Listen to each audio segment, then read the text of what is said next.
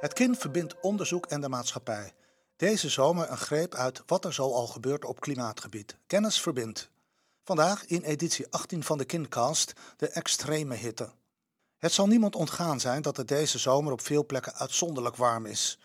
De gevolgen daarvan zijn talrijk, impactvol en soms simpelweg gevaarlijk. Extreme hitte betekent altijd extra doden. Vorig jaar kostte de hitte in Europa aan meer dan 61.000 mensen het leven. Het RIVM heeft een hitteplan opgesteld waarin staat wat te doen bij extreem warm weer. Belangrijk om de hete dagen goed door te komen. Maar hitte heeft nog veel meer ernstige gevolgen. Gevolgen die we nog niet eens allemaal goed kunnen overzien. Dit jaar worden weer allerlei records verbroken, overal ter wereld. Op verschillende eilanden in het Middellandse zeegebied is de temperatuur gestegen tot 48 graden. In Amerika tot rond de 50 graden. En ook in China zijn temperaturen gemeten tot meer dan 50 graden aan toe. En de Middellandse Zee is nog nooit zo warm geweest als nu, tot 30 graden deze zomer.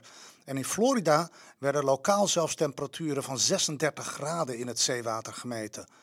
Dat is niet enkel onaangenaam om in te zwemmen, het is waarschijnlijk zeer schadelijk voor het zeeleven. Hitte draagt uiteraard ook bij aan extreme droogte en dat maakt het risico op bosbranden weer groter. Op sommige plekken in de wereld kunnen kinderen niet meer buiten spelen, zitten mensen werkelijk aan huis gekluisterd en blijven toeristen weg, omdat het domweg te heet is.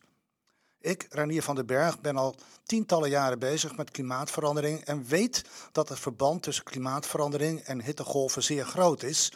En ook veel andere weersextremen kunnen direct worden gekoppeld aan klimaatverandering. Maar niet elke weerramp is direct te bewijzen of te koppelen aan klimaatverandering, maar de meeste wel. Maar in ieder geval, het zijn allemaal signalen die laten zien dat het belangrijk is om ons hoofd koel te houden, maar ook dat het essentieel is ervoor te zorgen dat het klimaat niet nog meer opwarmt.